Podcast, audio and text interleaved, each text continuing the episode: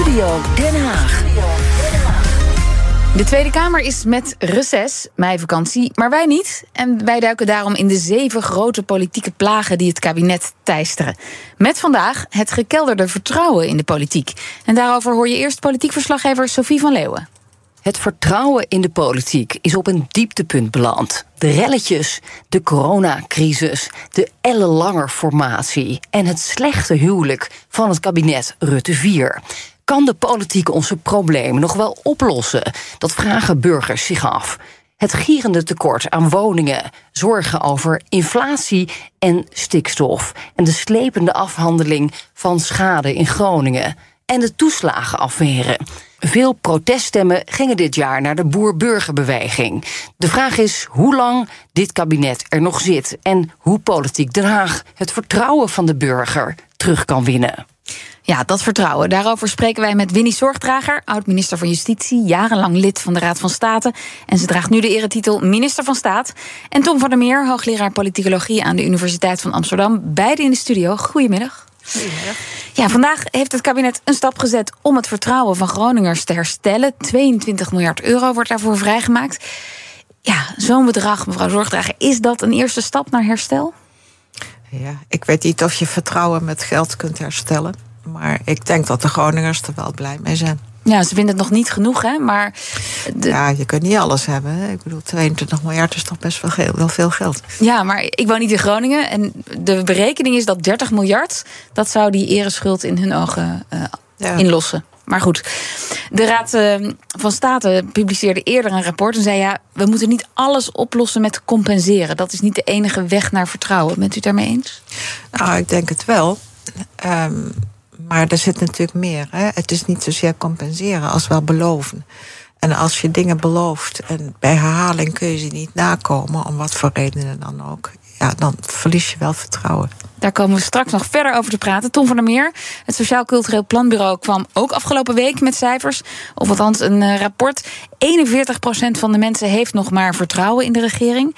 En als het dan gaat over de Tweede Kamer, dan is dat 43%. Ja, is dat een dieptepunt inderdaad? Of is, dat, of is laag vertrouwen van alle tijden?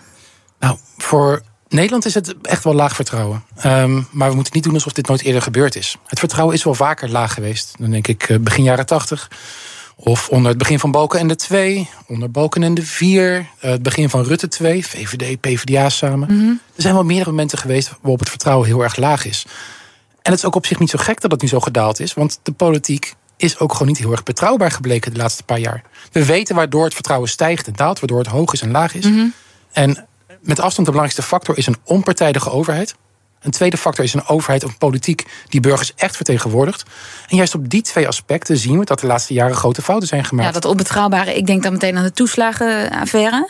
Ja, bijvoorbeeld. Als je denkt aan een onpartijdige overheid die burgers eerlijk en fair benadert, dan zie je zowel met het Groningsgas als met het toeslagenschandaal zie je grote problemen.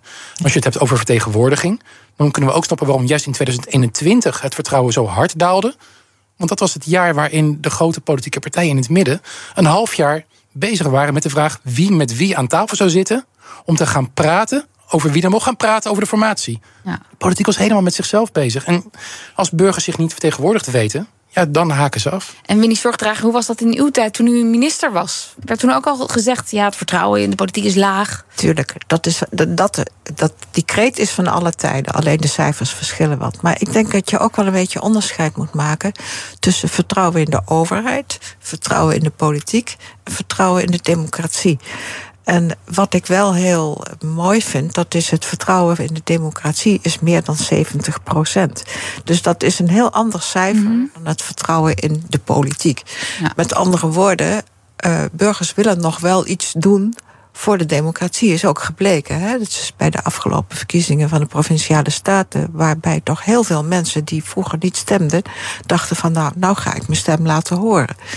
Dus ze hebben er vertrouwen in dat als zij nou gaan stemmen, dat er ook iets gebeurt. Ja, en daarmee spreken ze hun vertrouwen voor de democratische staatsvorm uit. Zeg. Nou, dat denk ja. ik wel.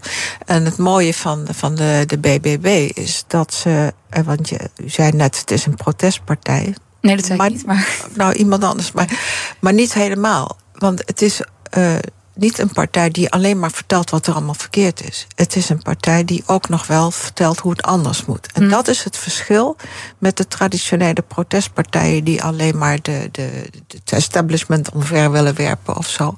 En je ziet het ook. Ze zijn heel constructief in het meewerken en meedenken in de provincies. Dus eerlijk gezegd vind ik dat wel een goed teken. Dat is positief, zegt u. Ja, ik vind dat positief. Ja, Ja. Ik bedoel, het, is, het is voor de andere partijen wat minder leuk. Maar ik vind het over het geheel genomen voor democratisch functioneren vind ik dit echt wel goed. Ja, Tom van der Lee knikt. Van der Meer. eh, van Sorry. der Lee is een Kamerlid. Ja, Eh, maar nee, inderdaad. Het, eh, eh, ehm, kijk, de daling van het vertrouwen. Het, het werd benoemd als een plaag voor het kabinet. Maar het is wel een beetje een, een zelf uitgelokte plaag in dit geval. En de daling van het vertrouwen is heel erg gericht op de politiek. De Haagse politiek specifiek. En dan regering en parlement daar. het, gaat, het zwaait nog niet heel erg uitbreden naar de democratie. Die steun is wel ietsjes gedaald, maar niet heel erg. Ook niet naar andere instituties. Dus we zijn geen laag vertrouwenssamenleving. Nee. Het is echt politiek. En dan, wat, wat je dan krijgt, is dat deze generatie dit probleem niet kan oplossen. Dat er meer voedingsbodem is voor nieuwe partijen om op te kunnen komen. Deze gen- generatie politici bedoel je? Ja. Want die, deze generatie politici is verantwoordelijk voor het probleem. Dat krijg je niet zomaar opgelost. Je zag ook bijvoorbeeld na de, de slump van Balken en de Balken en de jaren... was er gewoon echt een nieuwe generatie, Rutte... die op moest komen en een nieuw profiel kon neerzetten... waardoor het vertrouwen weer hersteld kon worden. En, eh, Maar wat interessant is aan de BBB... De BBB lijkt eigenlijk de, de traditie te volgen... die eerder al was opgeworpen door bijvoorbeeld D66. Namelijk, er is een groep wantrouwende burgers... en die worden gemobiliseerd door een nieuwe partij... gekoppeld aan inhoudelijke thema's... en daarmee worden die wantrouwende burgers bij de politiek betrokken. Want het vertrouwen is nu al laag... en dat is niet eens zo heel erg slecht voor, vanuit democratisch oogpunt... Maar het vertrouwen in Nederland is nog altijd heel hoog vergeleken met heel veel andere landen. Ja. Waarom? Omdat in ons systeem de kiezers altijd bij het systeem betrokken blijven.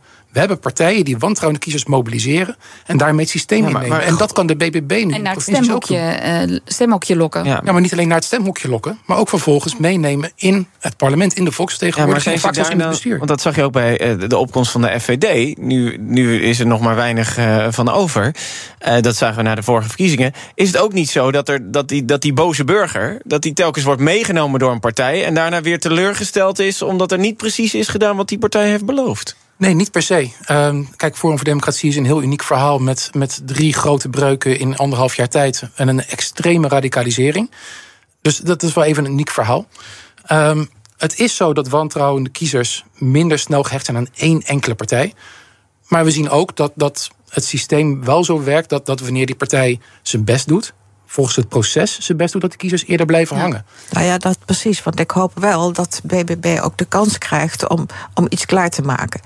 Hè, want eh, je wilt eigenlijk dat de afgehaakte mensen... dat die ook weer erbij blijven. En eh, ja, ze krijgen nu de kans in de provincies. Je ziet ook dat ze in coalities komen... dat ze daar ook voortrekkersrol spelen. Ehm, landelijk is dat lastiger, denk ik. Maar nou ja, ook daar zouden ze de kans moeten pakken. Moeten nemen, ja. En u werkte zelf bij de Raad van State twaalf jaar lang. Eh, nu zegt de Raad in het jaarverslag... ja, de overheid wekt hoge verwachtingen... maar levert vervolgens niet. Dat zei u net ook. De overheid belooft meer dan het waarmaakt. Ehm, ja, moet je dan minder hoge verwachtingen wekken? Is dat de oplossing voor dat herstel? Ja, je moet geen dingen beloven waarvan je van tevoren al weet dat je ze niet kan waarmaken. Want dat gebeurt, is het ene. Het tweede is dat je ehm, zodanige dingen belooft en regelt die voor uitvoeringsorganisaties niet te behappen zijn. Nee. Het derde is dat wetgeving in Nederland echt slecht is op dit moment. Ook moeilijk uitvoerbaar. Dus dan, dan lopen er al dingen mis. Dus er zijn allemaal teleurstellingen op teleurstellingen. Ja, en als u naar dit kabinet kijkt... ziet u dan wel ministers die die slagkracht wel aan de dag proberen te leggen?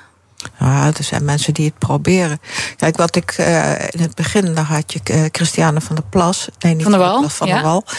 Ehm, nou, die ging echt voor dat stikstofdossier staan. En ik had daar veel respect voor. Want ook haar eigen partij had daar best moeite mee. Maar het is haar min of meer onmogelijk gemaakt. Binnen de eigen coalitie zelfs? Ja, binnen de eigen coalitie. En dan zie je dus de onmacht eigenlijk om iets te gaan doen. Terwijl iemand die die, die portefeuille krijgt, denkt van oké, ik maak er wat van. Dus ik vind dat lastig. Ja, de mate van vertrouwen, hè? eh, Tom van der Meer, is dat tegenwoordig ook terug te zien in hoe wij stemmen? Ja, en meer dan vroeger. Dus eh 20, 30 jaar geleden zaten de vertrouwende en de wantrouwende kiezers veel vaker bij dezelfde partij. Dus de vertrouwende en wantrouwende kiezers kwam je tegen bij het CDA, en bij de PvdA en bij de VVD. Omdat ze toch wel gingen stemmen? Ja, maar ze stemden ook op dezelfde partijen. En waarom? Omdat die partijen inhoudelijke alternatieven boden. Die inhoudelijke visies op de samenleving waren in het stemgedrag belangrijker dan of je wel of geen vertrouwen hebt in de politiek in het algemeen. Maar wat er sindsdien gebeurd is, is die partijen in het midden die zijn hun kleur een beetje verloren. Mhm. Dus die zijn minder duidelijke bakens voor kiezers om naartoe te trekken. Ehm, en daarnaast zijn er nieuwe partijen opgekomen die echt dat wantrouwen proberen te mobiliseren, structureel. En hun kiezers ook wantrouwend houden. Dan denk ik met name aan, aan de PVV en recenter aan, aan Forum. Aan de ene kant. Dus dat zijn partijen voor wantrouwende kiezers. En aan de andere kant zie je dat heel veel partijen in het midden niet meer op inhoud de campagne aangaan, maar op leiderschap. Nou ja, Dus denk aan de afgelopen verkiezingen voor de Tweede Kamer in 2021. Er waren eh, nieuwe lijsttrekkers van het CDA, van D66. Hun, hun claim to fame was dat zij zich presenteerden als de nieuwe kandidaat voor het premierschap. Niet op basis van ideeën of visies, nee, Nee, premierschap. het was heel persoonlijk, werd het. Ja, maar ook, het ging om leiderschap. En Rutte's campagne van de VVD was letterlijk met een bordkartonnen pop. Stem op Rutte, want hij was zo'n goed leider. Ja. Dus de inzet van die hele verkiezingen, van twee kanten, was vertrouwen. Vertrouw je in de bezittende leiders? Of ben je daartegen, is het de in versus de out? Dus dan zie je dat, dat kiezers veel meer gaan stemmen op basis van vertrouwen of wantrouwen in de politiek. Die splitsen zich uit. En dat is een risico. Ja, Maar nou, ik vind het ook een risico dat, eh, dat het zo persoonlijk wordt gemaakt. Hè, je stemt eh, eigenlijk niet meer op een partij, je stemt op een persoon. En als, als die er leuk en fris uitziet, nou, dan gaan we daarop stemmen. En dat, dat, ja, dat vind ik gewoon niet goed. je moet toch ook wel op een idee stemmen, dacht ik. En de inhoud, ja. Vertrouwen, hoe is het eh, gezegd ook alweer? Vertrouwen komt te voet en gaat te paard. Er is nog een lang, lange weg te gaan. Dank jullie wel. Winnie Zorgdrager, oud-minister, oud-lid van de Raad van State en minister van Staat. En Tom van der Meer, hoogleraar politicologie aan de UvA. Bij BNR ben je altijd als eerste op de hoogte van het laatste nieuws. Luister dagelijks live via internet. Bas van Werven. En heel langzaam komt de zon op rond dit tijdstip. Je krijgt inzicht in de dag die komt op BNR, het Binnenhof in Nederland en de rest van de wereld. De Ochtendspits. Voor de beste start van je werkdag. Blijf scherp en mis niets.